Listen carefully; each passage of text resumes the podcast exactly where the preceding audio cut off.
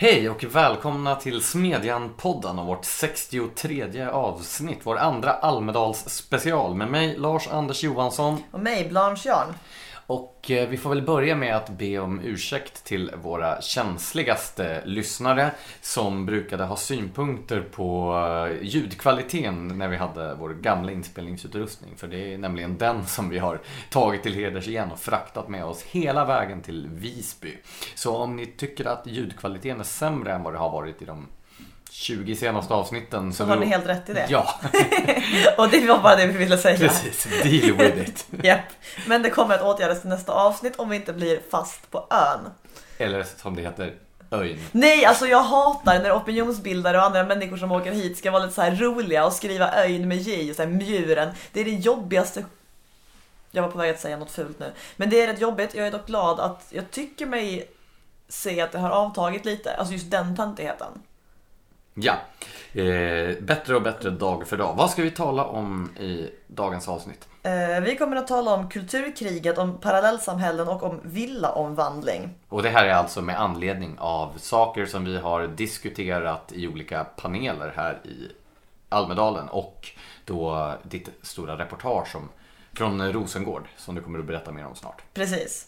Eh, Men först går vi väl igenom vad vi har publicerat i Smedjan, förutom det vi kommer att prata om. Ja, du skrev ju en putslustig krönika om att när man ändå förbjuder rökning på uteserveringar så borde man även förbjuda pälsdjur.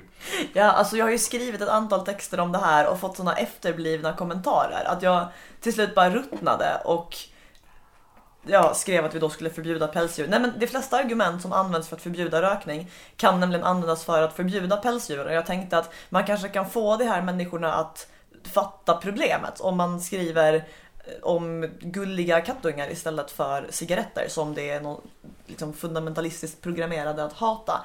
Eh, och jag tror att budskapet kan ha gått hem hos ungefär 2% av målgruppen så jag känner mig nöjd. Härliga tider. Ja. Sen har vi haft en annan krönika från vår eh, sommarkrönikör Margareta Barabash som har skrivit att gratis högskoleutbildning är inte en rättighet. Vilket hon har precis rätt i. Och hon kommer säkert att reta upp en och annan där ute. med den. Förhoppningsvis. Ja, Och så har vår eh, Timbro-medarbetare Caspian Rebinder skrivit en ledare om att eh, arbetskraftsinvandring är bra och inte dyrt apropå att Expressens ledarsida nu håller LOs linje och är emot. Precis. Men det vi absolut mest har publicerat den här veckan det är ju statsvetaren Stig-Björn Ljunggren. Även känd som vår favoritsosse. Ja, som har eh, analyserat de olika partierna, ett varje dag då under veckan. eh, Och deras innersta själs liv. Ja precis, han har, han har uttolkat deras själ på ett ofta rätt insiktsfullt sätt. Som Centerpartiets hästhandlarsjäl och varför det passar så bra ihop med Socialdemokraterna. Lite deppigt att läsa men, eh, men sant. Ja, så Stig-Björn Ljunggren ligger som en våt filt över Smedjan den här veckan. Men vilken våt filt sen. Ja.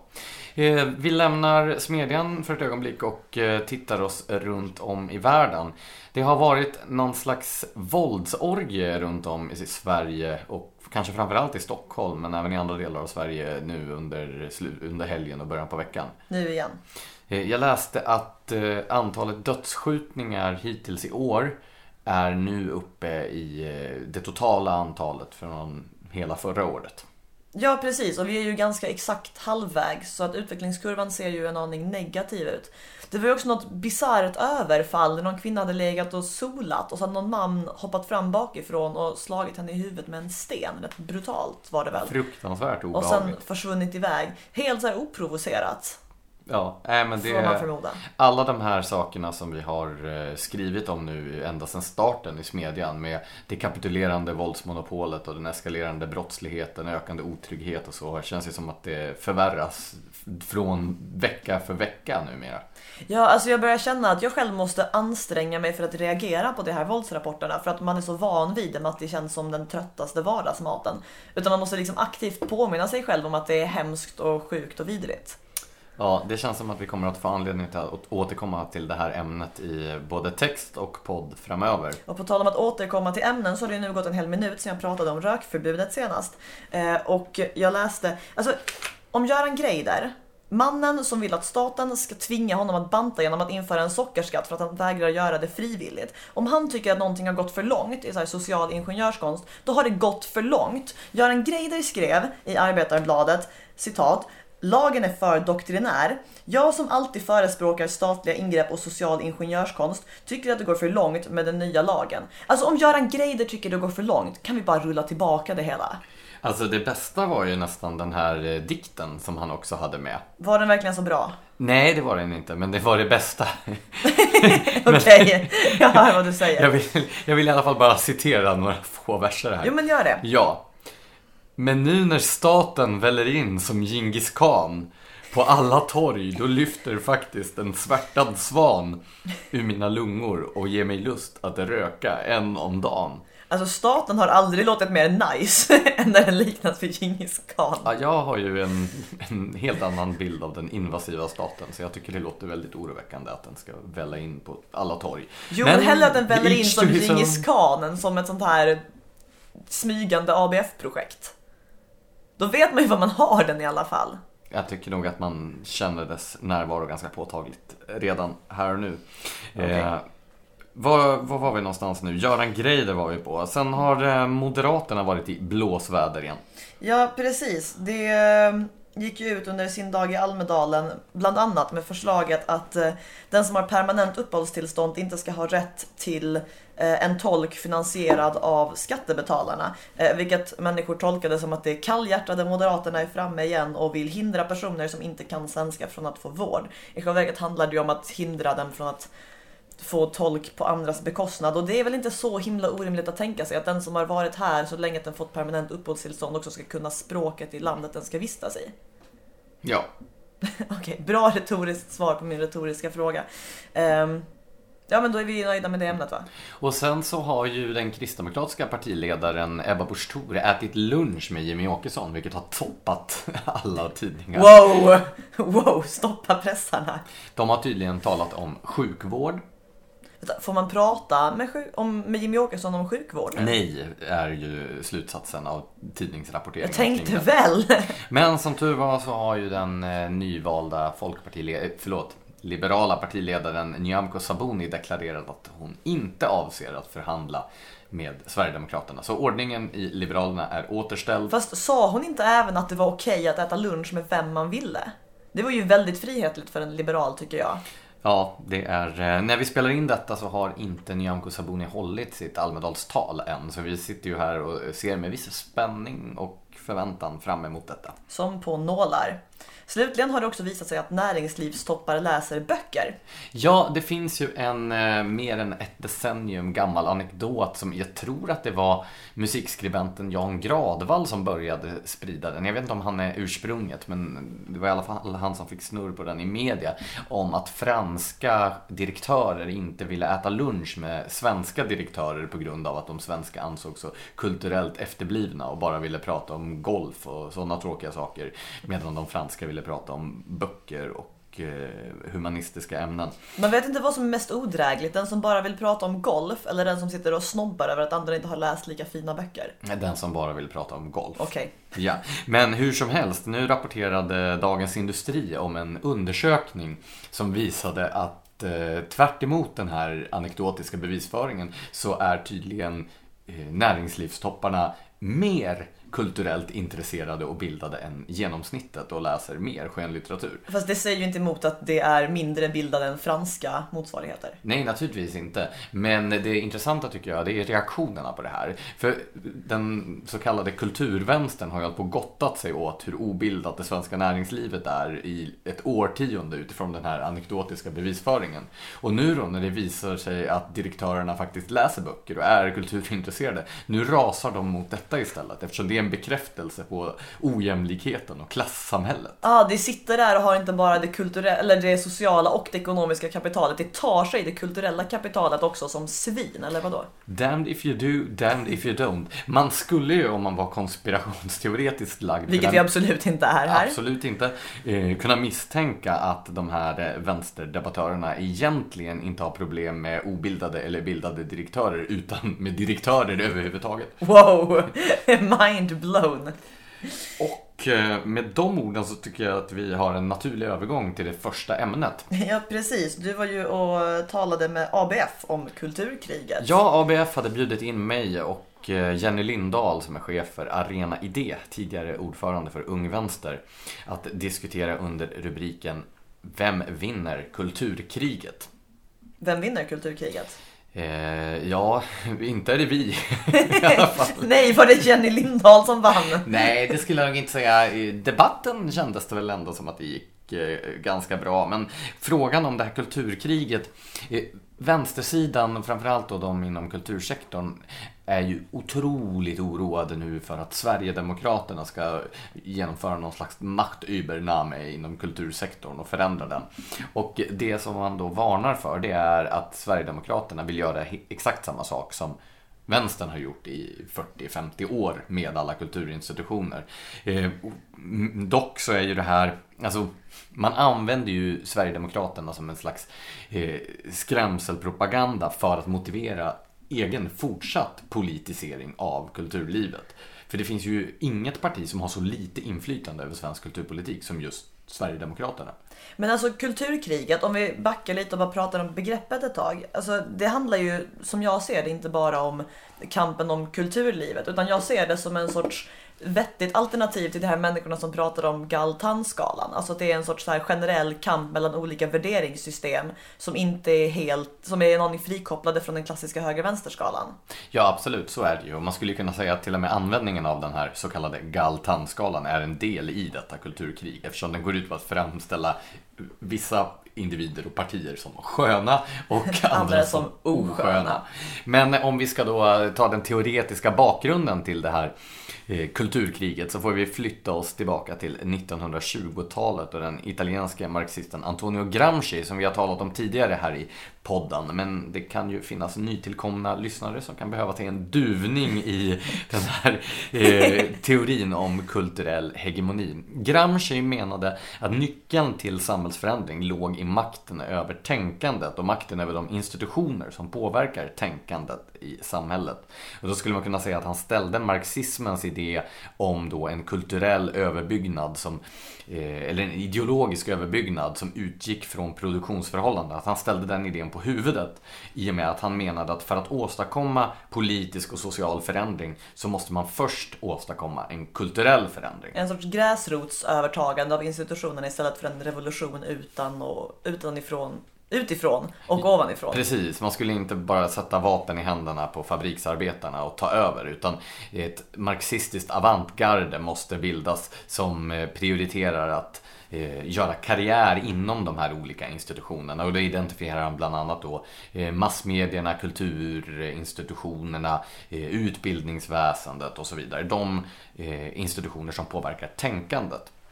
Och de här idéerna de fick nytt liv under eh, 1960-talet när de plockades upp både av den etablerade arbetarrörelsen, socialdemokratin i Sverige, och då av den mer radikala vänsterrörelsen.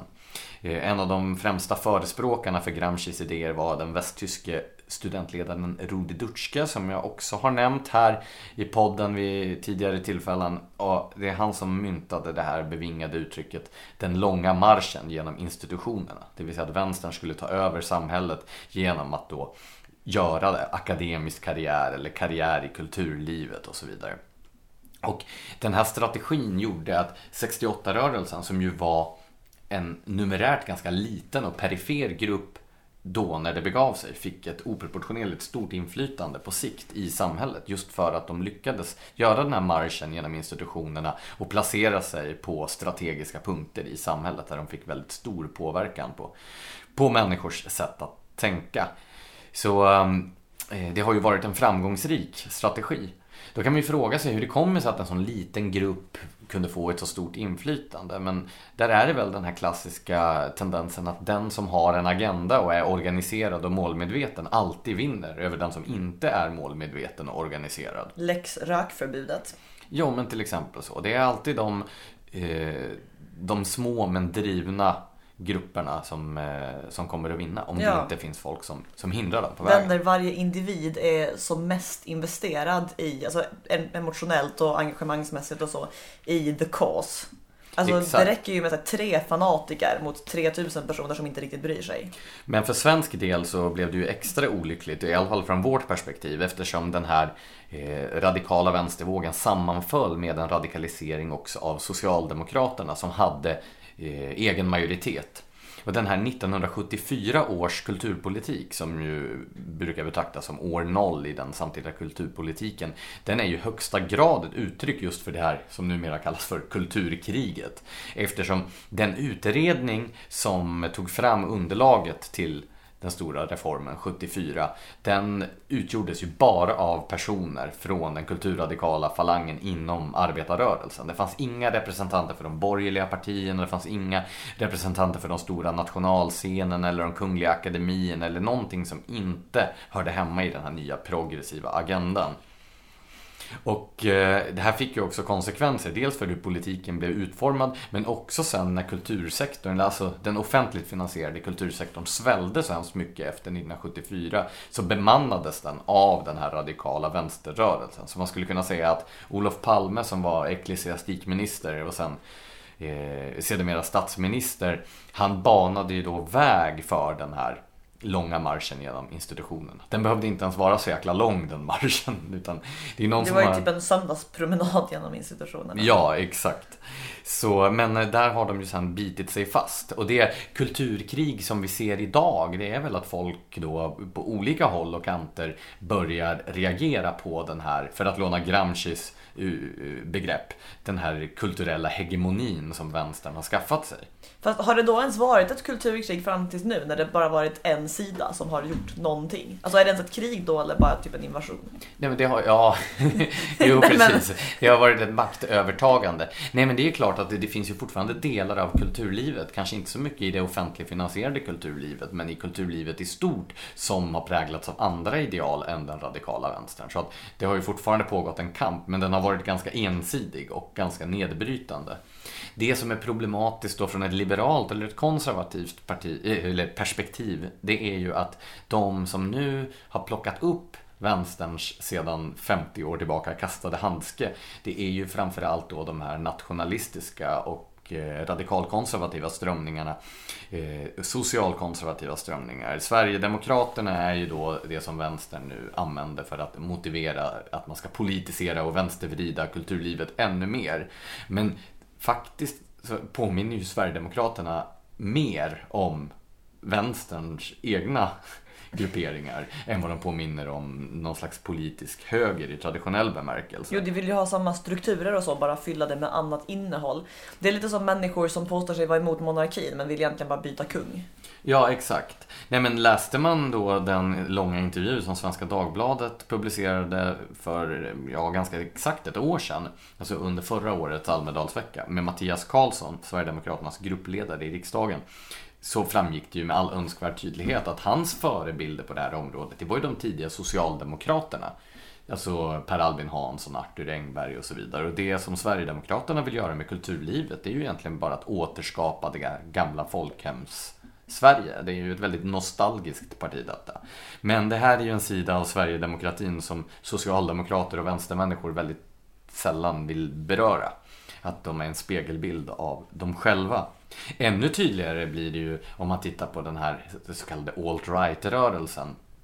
Denna nebulösa företeelse som ju läser precis samma tänkare och har precis samma strategier då som 68-vänstern hade. Gramsci är ju husgud även då hos alt-right människorna. Alltså, det är ju mer som förenar än som skiljer åt skulle jag säga mellan de här förmenta motståndarsidorna i kulturkriget.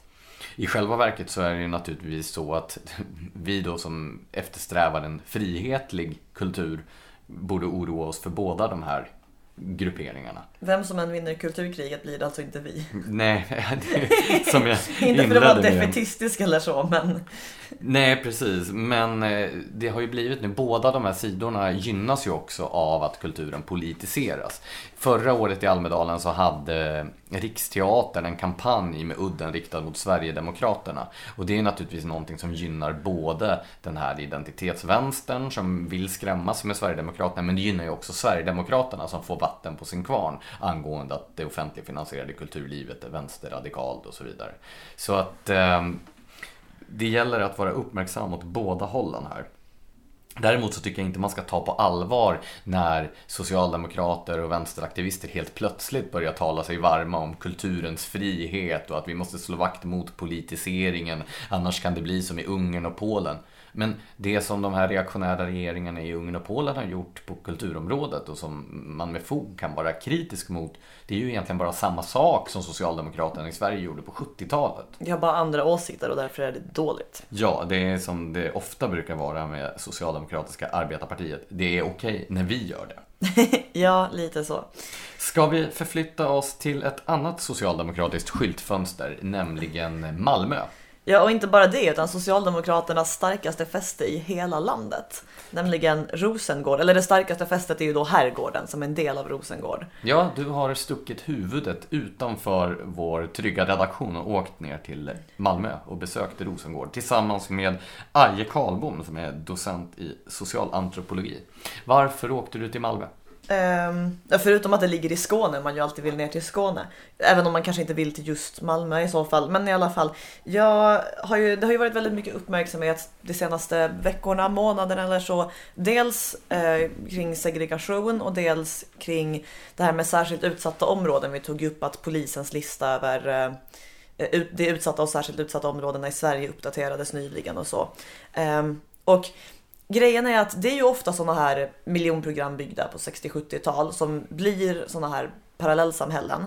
Men de flesta av de här områdena som byggdes under miljonprogrammet blir det inte. Så jag ville försöka reda ut vad som egentligen gör att ett visst område blir ett sånt här parallellsamhälle som präglas av organiserad brottslighet och religiös extremism och ja, men det här att man inte vågar vittna mot knarklangarna för att då kan man inte bo kvar i området och den sortens grejer. Medan andra områden inte blir sådana. Eh, så det intressanta med Rosengård är att det först fick rätt mycket kritik från vänster, berättade Eje Karlbom, Eh, för att vara en sån här själlös förvaringsplats för arbetarklassen, du vet en massa betong och, och allt sånt här. Och det får ju sägas ha stämt. Eh, det är en själlös förvaringsplats än idag. Eh, men idag är problemet också betydligt värre eftersom det har utvecklats till ett sånt här parallellsamhälle. Här kanske det är värt att nämna att jag fick lite kritik av Aje Karlbom för just valet av ordet parallellsamhälle. Sen fortsatte jag ändå med ordet eftersom jag tycker det är bra. Men han menar att det snarare är... Vägra ta till sig kritik. så jag jobbar. Som du säkert har märkt. jo tack. Eh, nej men han menar att eh, eh, det snarare är en sorts enklav, Rosengård, för att det som bor där och är organiserade där och så har kopplingar till personer i andra liknande stadsdelar i Malmö som Lindängen och Hyllie. Det är bara kopplingar till majoritetssamhället som är betydligt svagare. Men då är det ju helt enkelt frågan om ett parallellsamhälle fast som finns på olika geografiska platser. Precis, men Rosengård är som ett enklav av det här parallella samhället.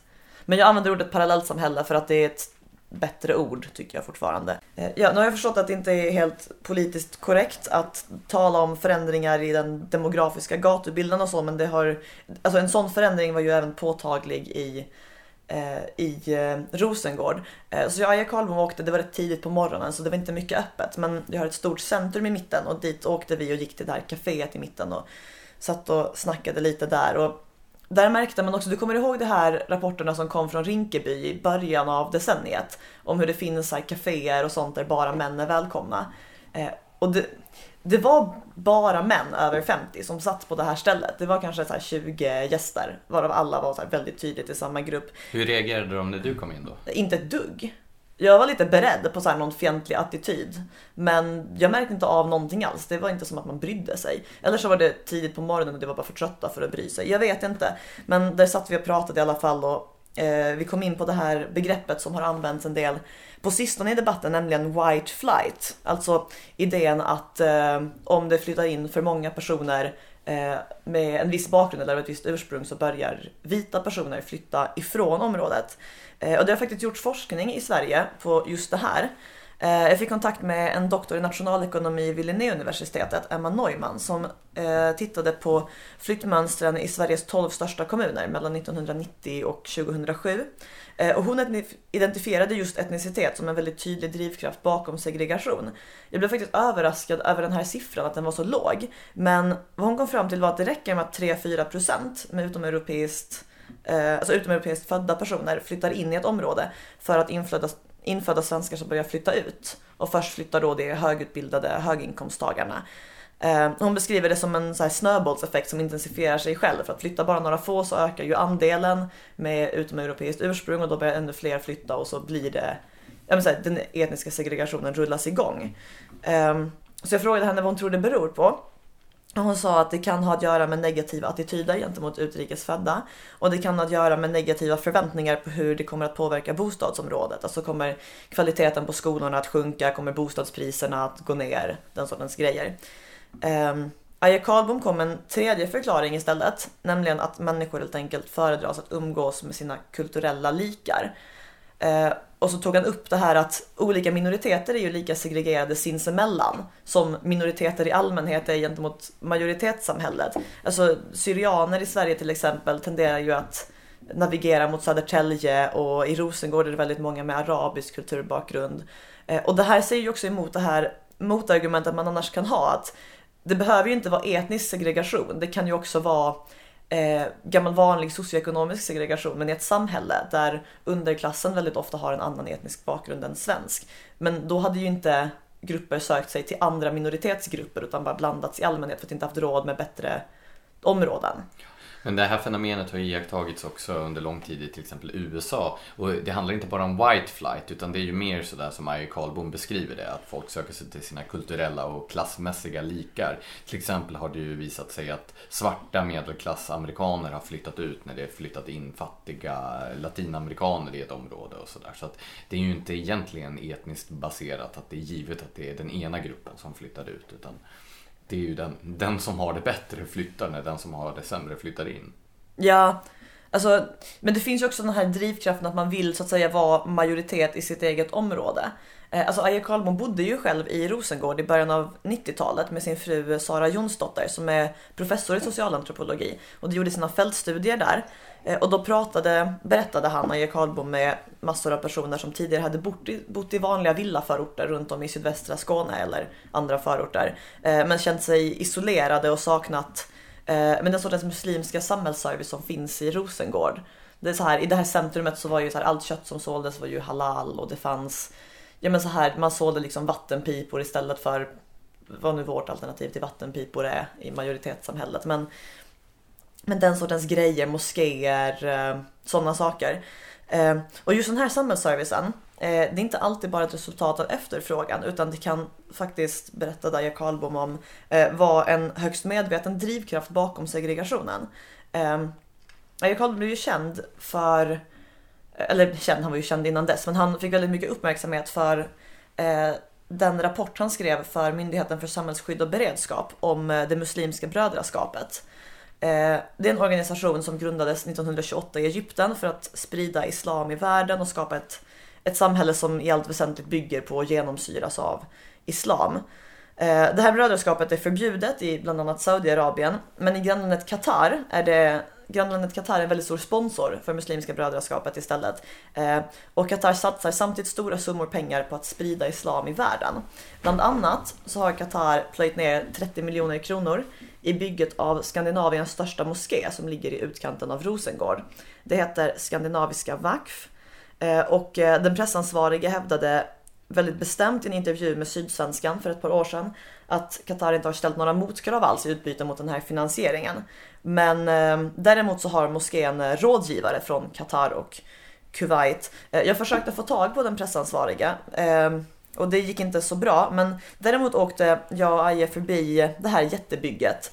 Eh, och det, alltså egentligen är det inte bara en moské utan det är ett helt sånt här allaktivitetshus. Det kommer ha förutom bönerum, daghem, skola, pool, bibliotek, föreläsningssalar, idrottsanläggning. Alltså det finns i princip allt där utom sjukvård som man behöver som samhällsservice. Och när man väl kommer till sjukvården kan ju en tolk utgöra ens kontakt med majoritetssamhället om inte Moderaterna får sin vilja igenom.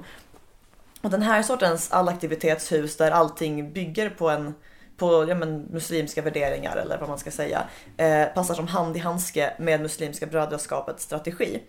Eh, tanken är att man först ska ta individen och göra honom mer så här, troende och engagerad i islam. Eh, och sen så kommer familjen att islamiseras och sen kommer det sprida sig vidare ut i samhället till kvarter och till områden och hela kommuner och på sikt tänker sig Muslimska brödraskapet att stater ska islamiseras underifrån som en gräsrotsrörelse. Menar eh, Aje då att det här är en, ett realistiskt scenario? Så här, jag, som jag uppfattar det, utan att lägga ord i hans mun eller så, men jag tolkar det som att han ser det som en utveckling som är värd att ta på allvar. Och det gör ju uppenbarligen Myndigheten för samhällsskydd och beredskap också. Sen så, alltså, man ska inte bli alarmist och han är inte den alarmistiska typen heller, men det, det är ju en rörelse som är etablerad i Sverige till viss del och som är värd att ja, ta på allvar. Um, alltså nu kommer, nu kommer vi slå rekord i Gramsci-referenser per avsnitt här, men det börjar ju ändå bli vår favoritvänsterreferens. Uh, grejen är nämligen att brödraskapet också har inspirerats jättemycket av Antonio Gramscis idé om den långa marschen genom institutionerna. Fast här är det då en mer eh, islamistisk marsch genom institutionerna som är tänkt att ske. Det är inte så konstigt, alltså islamismen och den radikala vänstern har ju samverkat gång på gång. Ja, alltså... Och nästan alltid så har det varit vänstern som har blivit lurad av det samarbetet. alltså just vänstern och Muslimska brödraskapet, eh, om jag förstår det rätt, var åtminstone när, det, när eh, brödraskapet höll på att formas och, och liksom utvecklas till vad det är idag, eh, så var det ganska fientligt inställda mot varandra. Men båda hade ju universiteten som platserna där man träffade varandra och samlades och rekryterade. Och då är det klart att man utbytte en del strategier medvetet och omedvetet. Eh, så, men för att försöka sammanfatta det här i någon sorts slutsats om vad som egentligen driver utvecklingen mot parallellsamhällen så tror jag dels det här white flight-konceptet spelar in, alltså den etniska segregationen, men också så kan det ibland vara rent här, ideologiskt drivet. Ehm, ett led i Muslimska brödraskapets eh, det här vurm för allomfattande islam är att en en seriös och troende muslim bör undvika att ha kontakt med majoritetssamhället för att det inte är islamskt. Och då vill man det vill säga, ta avstånd ifrån det. Så man ska liksom hellre nästan leva i den här typen av enklav. Um, men däremot, alltså även om det här är ganska lättbegripligt när man sätter sig in i det, så insåg jag hur svårt det är att hitta eventuella mekanismer för att motverka den här sortens segregering och parallellsamhällen. Hade Karlbom möjligen någon idé? Okej, okay, jag ska citera hans slutord. Så här sa han. Jag är pessimist. Jag vet inte riktigt hur situationen skulle kunna bli bättre, snarare än värre. Och det är ju egentligen, alltså jag har inget att tillägga. Jag ser verkligen inte mycket till ljusning här. Det, alltså det är väldigt intressant att veta hur det funkar och det är till hjälp och så, men den som kan komma på hur man skulle kunna vända den här utvecklingen, kom jättegärna och förklara det för oss. Ja, tack. Lös segregationsproblemen, kära lyssnare. Ja. Ska vi röra oss vidare till det sista ämnet, villaomvandling. Du får extra poäng om du lyckas få in en Gramsci-referens där också. Ja, jag ska se vad jag, vad jag kan åstadkomma. Nej, men det var så att jag var inbjuden till ett seminarium här i Almedalen. Ett seminarium som ordnades av den förträffliga organisationen Svensk byggnadsvårdsförening och det handlade då om stadsplaneringens blinda fläck. Och där höll jag ett inledningsanförande om detta med förtätning och om eh, omvandlingen av villaområden. Är det det som är den blinda fläcken? Ja, precis. Okay.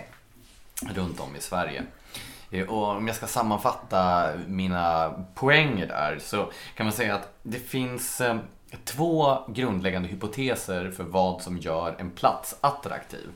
Man skulle kunna kalla den ena hypotesen för vidskepelsehypotesen och den andra hypotesen för den realistiska hypotesen. Jag väntar med spänning på att se vilken det är du stödjer. Nej men om vi börjar med vidskepelsehypotesen så har du varit i Rom? Mm -hmm. Då har du varit på Forum Romanum, alltså det här gamla torget som utgjorde hjärtat i det forntida Rom. Oh ja. Ja, och det första som slog mig när jag kom dit, det var vilket clusterfuck av byggnadsverk och monument till synes staplade på varandra på en liten, liten yta som det här är. Jo, Och anledningen till att det är så, det är ju en väldigt förtätad bebyggelse där.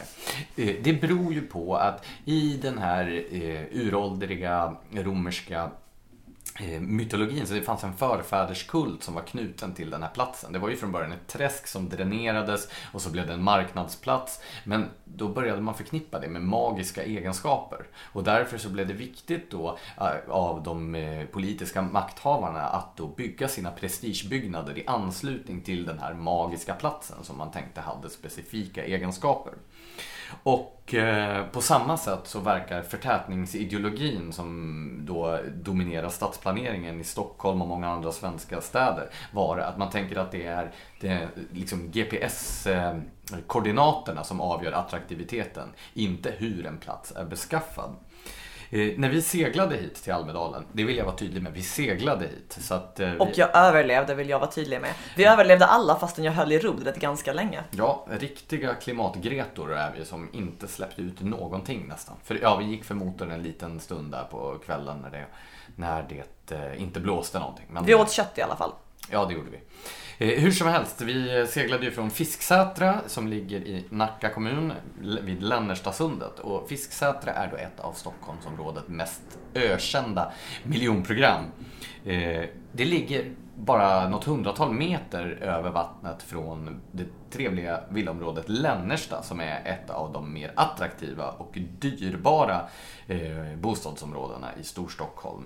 Det är, klasskillnaderna här när man åker mitt i Lännerstasundet är så skriande att nästan den mest hårdhjärtade och hårdhudade marknadsliberal kan få en släng av marxism när man passerar.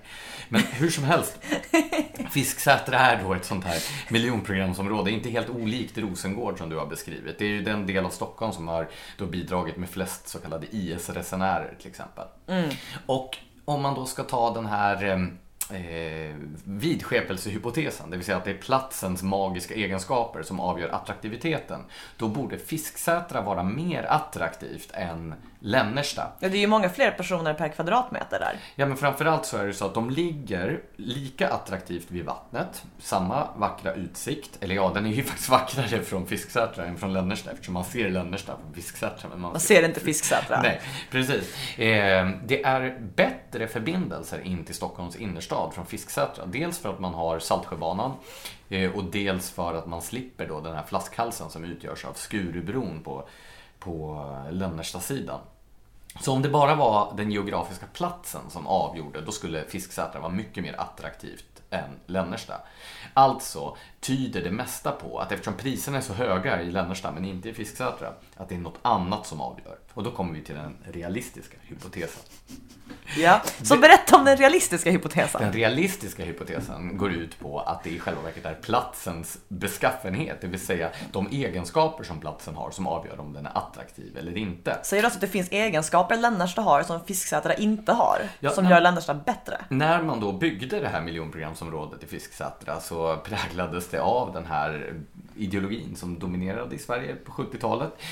Ett tydligt exempel. Socialism. Ja, jag skulle just ge ett exempel och det är att eh, eftersom man inte kunde säkerställa att alla lägenheter skulle få havsutsikt i Fisksätra så byggde man de här eh, lamellhusen så att de står vinkelrätt mot havet så att inga lägenheter har havsutsikt. Nej men på riktigt! Ja. Vad jävla vidrigt! Inte... Kunde man inte bara gett dem en balkong som inte hade havsutsikt eller Nej. någonting? Alltså man ska alltid försämra allting. Precis. Ehm, så det verkar ju vara så att hur man bygger och vad man bygger spelar större roll för om människor upplever en plats som attraktiv eller inte. Då kommer vi, eh, jag kan ta ytterligare några korta exempel bara för att ytterligare understryka min poäng. Hela Paris innerstad där finns det ju gigantiska öppna ytor, alltså Marsfältet, Champs-Élysées, Tuileries-trädgården. Utifrån förtätningsideologin eh, så borde det ju då vara en otroligt bra grej att förtäta och bygga då bostadsrätter över alla de här öppna ytorna eftersom det är så värdefull mark. Men parisarna har listat ut att människor gillar ju Paris så som det är beskaffat. Och anledningen till att eh, Frankrike och Paris har fler årliga turister än bofasta invånare är ju för att man gillar det man ser och därför ska man inte bygga sönder det. Det gjordes ju eh, ett försök att bygga skyskrapa i Paris innerstad. Jag tror det var 1971 som man byggde Tour Montparnasse som då sticker upp som ett svart långfinger eller kanske för eh, ja, Ivar Arpi skulle känna igen referensen till eh, Svarta tornet i Mordor. Men då, då blev ju parisarna så fruktansvärt upprörda över den här vederstyggliga byggnaden så man bestämde sig för att eh, förbjuda skyskrapor i hela centrala Paris. Det finns bara ett varnande exempel. Det här med att du väljer ut en byggnad i varje stad och liknar vid Svarta tornet i Mordor. Det var ju samma sak när vi var i London och du såg The Shard och bara det här är Saurons byggnad. Jo, men det såg ju ut så. Jo, jo, jo. den har ju det här röda ögat på toppen också. Men det är ju faktiskt intressant just jämförelsen med London eftersom London har ju gått i motsatt riktning. Där är det ju skyskrapor nu över nästan hela centrala London. Mm, det är rätt tråkigt. Och det har ju ändrat hela stadens karaktär. Medan Paris är mycket måna om, när du bygger nytt i centrala Paris så måste du hålla dig till höjdnormen. Du får inte bygga över, ja, jag kommer inte ihåg hur många meter det är. Lite som det har varit i Stockholms innerstad också under Lindhagenplanen.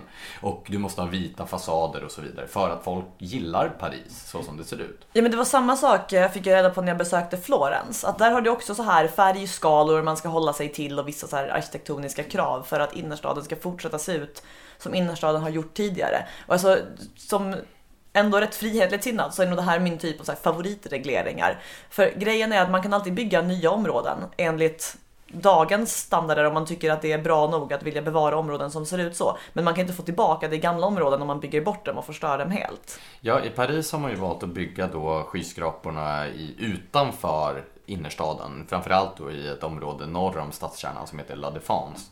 Som visserligen då skymmer utsikten men som ändå liksom är på hyfsat behörigt avstånd från centrum. Eh, sista exemplet då innan jag går in på villaomvandlingen. Vi tar eh, Manhattan och Central Park. Där är ju adresserna som ligger runt Central Park är ju snordyra. Ja, och utifrån den här vidskepliga hypotesen, det vill säga att det bara är den geografiska positionen som avgör attraktiviteten, då vore ju det rationella att bebygga hela Central Park eftersom den platsen är så attraktiv. Att man bygger bort parken. Däremot så verkar New York-borna ha insett att det just är Central Park som gör platsen attraktiv.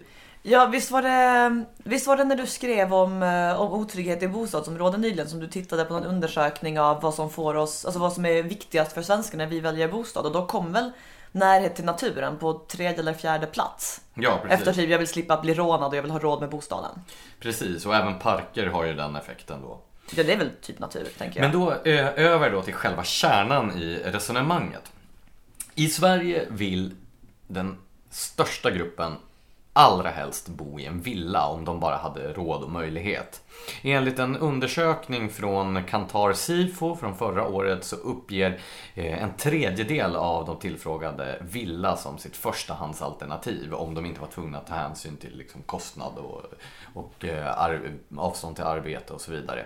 Och det här kan jämföras då med att endast 12% av svenskarna anser eh, att, eller uppger eh, lägenhet i storstad som sitt förstahandsalternativ för boende. Men alltså, här undrar jag, för alltså, trycket är ju väldigt högt på lägenheter i storstäder. Så jag undrar, är det här om man tänker sig hur man skulle vilja bo så här längre fram i livet eller någon gång i livet? Eller handlar det om hur man skulle vilja bo just nu? Anledningen till, och det är, nu ska jag förklara varför trycket är så högt på lägenheter i storstäder. Det är ju helt enkelt för att ett, det byggs inte villor Trots att det är det som efterfrågas. Och två, de befintliga villaområdena byggs sönder och byggs bort. Så man skapar ett underskott vilket gör att villorna blir bara dyrare och dyrare och färre och färre har råd att bo på det sätt som de helst vill bo på. Men folk är ju ändå tvungna att bo och då flyttar folk in i det som byggs istället. Det finns liknande siffror från Boverket från 2014 som visar också att människor efterfrågar småhus. Ändå så är då, om vi börjar med nyproduktionen, så är endast, eller 2014 i alla fall, var 27% av de nyproducerade bostäderna i Sverige var småhus. Medan resten var lägenheter.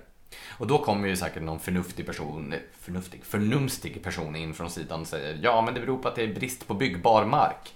Aha, säger jag då. Eftersom samma år så var andelen nyproducerade bostäder i småhus i Belgien och Danmark 44 respektive 51 procent. Och Danmark och Belgien är alltså betydligt mer tättbefolkade länder än Sverige. Precis. Fredrik Reinfeldt har åkt i en helikopter och iakttagit detta. Ja, nej men det är inte brist på byggbar mark som det här handlar om. Det är andra saker som, eh, som driver på detta.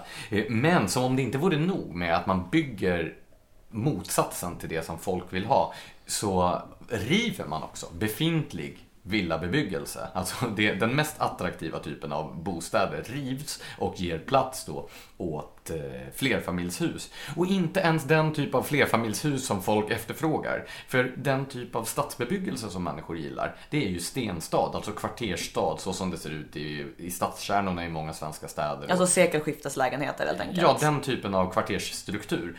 Eh, Men det är ju inte sånt man bygger, utan man bygger då den här förortsbebyggelsen som ingen människa efterfrågar, eller nästan ingen människa efterfrågar. Nej, alltså den är ju, den är ju kass alltså ur alla perspektiv. Så här estetiskt, trygghetsmässigt, allting. Jag har ju kommit att inse efterhand att jag hellre bor i andra hand, men inne i stan, än har en egen lägenhet i en sån bebyggelse för att den är så vidrig. Nej, men den här utvecklingen då, där egentligen, alltså, vi har ju två, vi har ju två system som i teorin är till för att människors önskemål och efterfrågan ska mötas. Vi har demokratin och vi har marknadsekonomin. Men just vad gäller byggandet av bostäder så verkar de här två systemen vara satta ur spel. Vad gäller då den här villaomvandlingen, det vill säga att villaområden, eller att villor i villaområden rivs och ersätts av flerfamiljshus som då dels minskar utbudet av villor och dels förändrar karaktären i de här områdena. Den drivs ju på Dels då av att underskottet på byggbar mark, som då är politiskt skapat, det gör ju att eh, de här tomterna är värda väldigt mycket. Och då kan en villaägare tänka sig att tjäna en snabb hacka på att sälja den här tomten till ett stort byggbolag.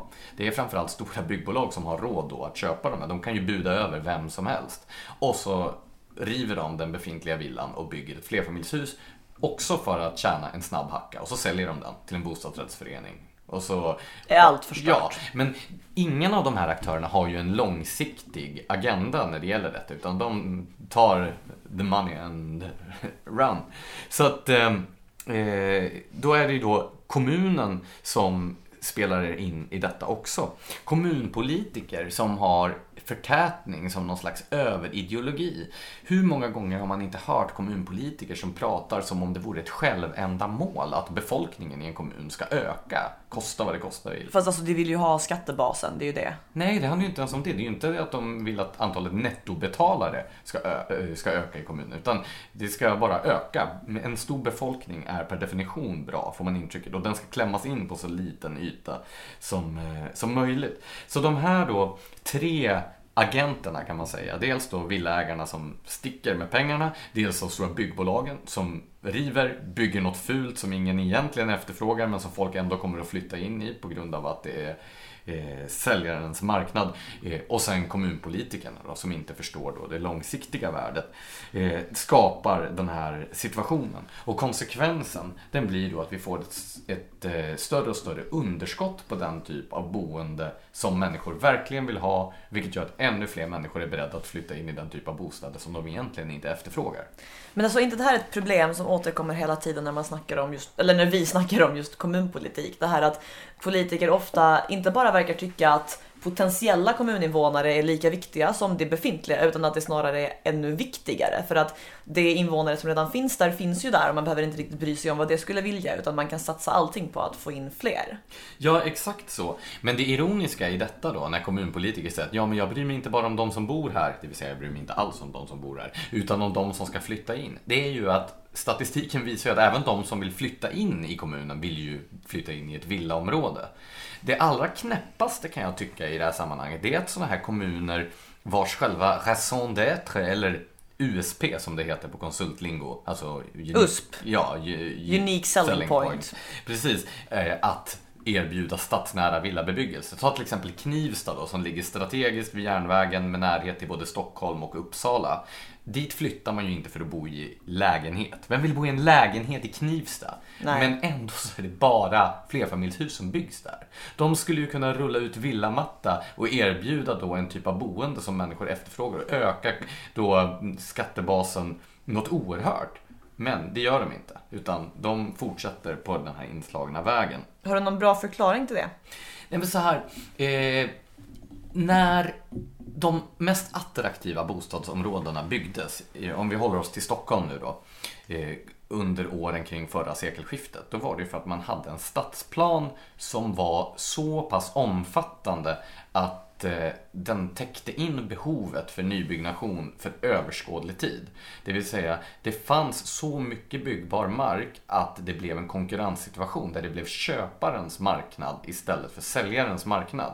Och då var ju byggherrarna tvungna att konkurrera om köparnas gunst. Det var ju därför man byggde så snygga hus på spekulation, till exempel på det nybyggda Östermalm och i Vasastan och så vidare. Helt enkelt för att man kunde inte räkna och få saker sålt om de inte var attraktiva i sig själva. Men då kan man få vilket skit med så här plastiga laminatluckor och plastgolv som helst sålt. Precis, För, för, det är är, ett, det är ett politiskt skapat underskott då på byggbar mark. Lösningen på det här, det vore ju dels att eh, man gjorde en stadsplan för nya stora villaområden. Ta, jag menar, om människor vill bo i Bromma, för det ser vi ju på försäljningsstatistiken att folk vill. Folk är beredda att betala väldigt mycket för villor i Bromma.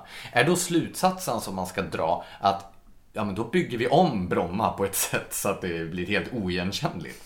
Eller är slutsatsen att ja, men då kanske vi ska bygga nya områden med samma egenskaper som Bromma? Ska vi bygga Ny, ska vi bygga sönder Lännersta så att det ser ut som Fisksätra? Eller ska vi bygga tio nya Lännersta så att fler människor har möjlighet att bo som i Lännersta? Det är ju de två olika vägarna och tyvärr så verkar politiker runt om i Sverige mer benägna på att man ska bygga sånt som ser ut som Fisksätra. Det roliga dock, eller positiva eller vad man ska säga, det är att förra året så började det här faktiskt få politiska konsekvenser. I kommun efter kommun så förlorade exploateringspartierna, framförallt då Moderaterna men även Socialdemokraterna och andra partier, förlorade eh, väljare. Inte sällan då till helt nybildade partier som bildats just för att motverka den här tendensen. Vaxholm är ju ett tydligt sådant exempel. Jag menar, man flyttar till Vaxholm för att man vill bo i en skärgårdsidyll. Jo tack. Men Moderaterna och Socialdemokraterna de ville istället göra om eh, det här då till ett, något slags Hammarby sjöstad. Men är det alltså Moderaterna och Socialdemokraterna som är drivande bakom den här exploateringen eller råkar det bara vara störst och därför ansvariga för det? Jag tror att det är vanligast att eh, det är moderater som är på kollisionskurs mot sina väljare. För ofta, alltså... För annars kan du ju gå och rösta på ett annat parti om du inte gillar Nobelhuset. Nej men eh, ja exakt, det är ju ett skräckexempel från Stockholms innerstad. Men annars om vi pratar om villaomvandling så är det ju ofta så att de här villakommunerna är ju ofta moderatstyrda. Och moderaterna som bor i villorna, alltså moderatväljarna som bor i villorna, de trivs ju ganska bra med att bo i villaområden. Jo. Medan deras valda representanter i kommunhusen verkar då ha någon slags masochistisk strävan att då utplåna dessa villaområden och ersätta dem med Eller slags sadistisk strävan. Ja, jag vet inte. Jag var ju förra året på ett protestmöte som Villägarföreningen i Djursholm ordnade angående den här typen av eh, villaomvandling. Och jag kan säga att de var ju inte nådiga villaägarna där i Djursholm mot de lokala politikerna som ville bygga höghus vid deras tomtgränser. Jag kan tänka mig det. Så eh, det är var och en som tycker att eh, människor ska få genomslag för sina önskemål borde ju faktiskt värna om dels den befintliga villabebyggelsen men också eh, att det byggdes mer av det som folk faktiskt vill ha.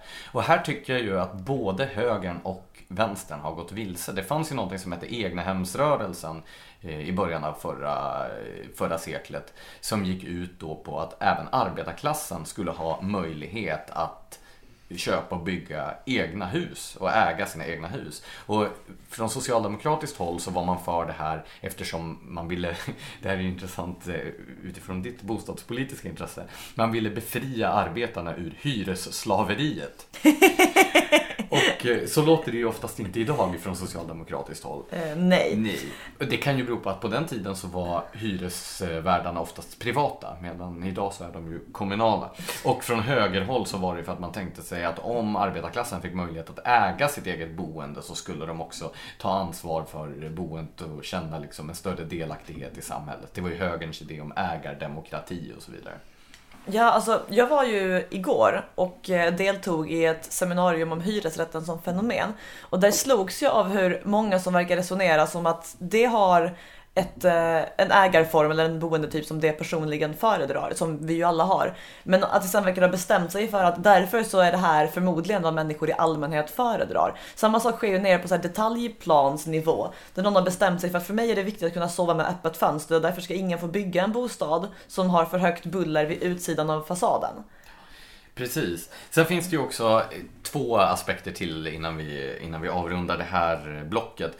Eh, dels så handlar det ju om de här krångliga byggreglerna som gör att det oftast tar extremt lång tid för människor att få bygglov och så vidare. Och det skapar ju svårigheter för små aktörer på den här marknaden att hävda sig. Och då är det de stora byggbolagen. Och deras då hela produktionsprocessen är ju anpassad efter den här typen av storskalig bebyggelse som kommer under miljonprogrammen och så vidare. Anledningen att Sverige har fem jättar på eh, bygg i byggbranschen eh, som inte bara är jättar i Sverige utan de tillhör ju världens största byggbolag. Det är ju för de stora statliga kontrakten under efterkrigstiden. Så de, ju, de blev ju dopade av staten. Och de har ett upparbetat system för att bygga storskaligt. Så det finns en incitamentstruktur här också att inte bygga småhus eftersom det är mycket lättare för dem att bara fortsätta smälla upp det som hela deras produktionsapparat är anpassad för. Såklart. Så vi har då en demokrati som inte bryr sig om vad väljarna tycker.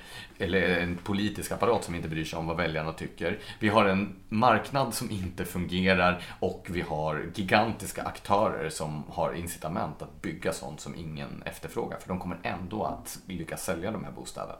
Man kanske bara borde flytta utomlands. Ja, till Danmark till exempel, där byggs det ju småhus. Ja. Schysst land det där Danmark. Men vi får antagligen anledning att återkomma både i skrift och i poddformat till eh, de här frågorna framöver. Ja, och för att gå över till våra lyssnarkommentarer har ju du fått anledning att skämmas. Jo, Så här skrev Tobias Berander, vilket han har helt rätt i. efter vårt förra avsnitt. Precis. Jag har aldrig varit så här besviken på er tidigare och sen Åh. gör han en sån här gråtskrattande emoji. Jag tror att det både, han både skrattar åt oss men också gråter åt oss samtidigt. Men han vet inte om han ska skratta eller gråta. Nej, så han gör bägge. Sen fortsätter Besviken han. är ju värre än arg. Jag vet, men det fortsätter. Skulle Steven Seagal, är det Seagal eller Seagal? Seagal. Steven Seagal har gjort Volvo-reklam, möjligtvis för Trabant. Ni får en chans till att gissa vem det kan vara som gjorde reklamen. Van Damme eller Seagal? Ja, Seagal. och sen postade han två bilder på Steven Seagal och Jean-Claude Van Damme. Ja, nej men alltså det, det är ju otroligt pinsamt att jag sammanblandade Jean-Claude Van Damme och Steven Seagal. Eh, Jag skyller på ett tillfälligt hjärnsläpp. Ja, alltså, så här, jag borde ju också ha liksom, noterat absurditeten och liksom, korrigerat det hela. Men jag satt bara där och, eh, jag vet inte. Så att jag bär väl också lite av skulden här. Vi får skämmas bägge två helt enkelt. Ja, men eh, tack Tobias Brander för att du vred om den här dolken och strödde salt i såren och så Du vidare. har all rätt att vara besviken och vi lovar bot och bättring. Ja, däremot så, alltså jag blev ju mind blown när jag såg de här bilderna som Berander eh, postade i vårt kommentarsfält, alltså på Van Damme respektive eh, Seagal, hur de ser ut idag. Och upplysningen att det bara är nio år som skiljer dessa gentlemän. Jag vet, det är helt otroligt. Seagal såg ju ut som att han skulle kunna vara Van Dammes far. Eller farfar. Farfars far, vem vet? Men jag är helt övertygad om att Seagal inte skulle kunna göra motsvarande som Van Damme gör i Volvo-reklamen. Precis. Men vi har även fått ett eh, väldigt positivt och glatt eh, Jag, jag är inte lyssnarmail som... säker på att jag... Nej okej, okej, men det är positivt för oss och det är lite som plåster på det sår som Tobias Brander har strött salt i. Ja, det är en Hugo Abrahamsson som har mejlat och han skriver så här. Hej! Jag tror att jag, har att jag har Sveriges värsta jobb. Men att lyssna på er podd gör vardagen lite roligare. Norra Europas bästa podd. Världsklass. Tack Hugo Abrahamsson, det var fint sagt. Jag beklagar verkligen din jobbsituation och blir lite nyfiken på vad du egentligen jobbar som. Ja, vad är liksom det värsta yrket man kan ha? Städare på en porrbiograf. Nej, det finns nog mycket, mycket värre saker. Ja, Parkeringsvakt. Något där man ska vara trevlig mot folk hela tiden. Eller ett sånt här eh, powerpoint-yrke, typ PR-konsult där man bara gör powerpoints. Ja, det låter fruktansvärt. Hur som helst beklagar vi Hugo. Ja, har vi någonting mer, eh, någon reflektion här från Almedalsveckan då, förutom de seminarier som vi har varit i? Det har varit lite ödsligare i år än tidigare år, har, är det inte så? Fast alltså förra året var ju ett valår. Och då är det väl alltid lite mer aktivitet. Däremot tycker Nej, jag nog att... eh, det är inte alls så som det har sett ut. Om man tittar på statistiken, alltså över seminarier i alla fall, så har det ju ökat för varje år, oavsett valår, ända fram till i år när det har minskat. Ja okej, för alltså jag tycker att det har faktiskt känts lite tröttare de båda föregående åren än det här året. De enda siffror som jag har eh, tillgång till är i alla fall just över seminarierna och där har det minskat med nästan en tredjedel från förra året till i år. Efter att ha ökat konstant sedan 2010. Samtidigt misstänker jag ju att 90% av alla seminariebesökare går på max 10% av seminarierna och så finns det massor av så här ödsliga tält i regnet där det sitter tre personer och lyssnar på någon stackars människa som försöker förklara digitalisering av vården. Sen är jag ju, nu har jag ju inte siffror på det här, men mitt intryck i alla fall efter att ha gått runt här i Visby de här dagarna, det är att den tendens som vi iakttog redan förra året, nämligen att både politiken och näringslivet minskar sin närvaro och sitt engagemang här i veckan, medan då eh, den offentliga sektorn tar allt större utrymme. Man ser ju så otroligt många människor som går runt från olika myndigheter och sådana intresseorganisationer som finansieras med skattepengar Regioner. i pikétröjor med tryck. Ja, Region Jönköping har väl slagit någon slags rekord. De har en så fet skattefinansierad paviljong. Jag läste någonstans att de har lagt 600 000 skattekronor, alltså landstingsskattekronor, på den här paviljongen. Och då räknas inte ens eh, personalens boendekostnader och traktamenten och resor och så vidare Herregud vad glad jag är att jag inte är från Jönköping, eller bor i Jönköping. Där vill man inte betala skatt. Nej, till skillnad från alla andra ställen där man vill betala skatt. Nej. Nej, det vill man aldrig. Ja, så Almedalsveckan har gått från en politikervecka till någon slags näringslivsvecka till nu en branschmässa för den offentliga sektorn. Tristaste utvecklingen. Ja, det är faktiskt lite trist faktiskt. Det börjar bli som en enda stor konferenslokal. Men imorgon seglar vi tillbaka till fastlandet och eh, till nästa poddavsnitt så hoppas vi att vi är tillbaka med den ordinarie inspelningsutrustningen. Ja, och tillbaka överhuvudtaget, även om jag står vid rodret igen. Precis. Så med de orden, tack så hemskt mycket för att ni har lyssnat. Ha en trevlig helg.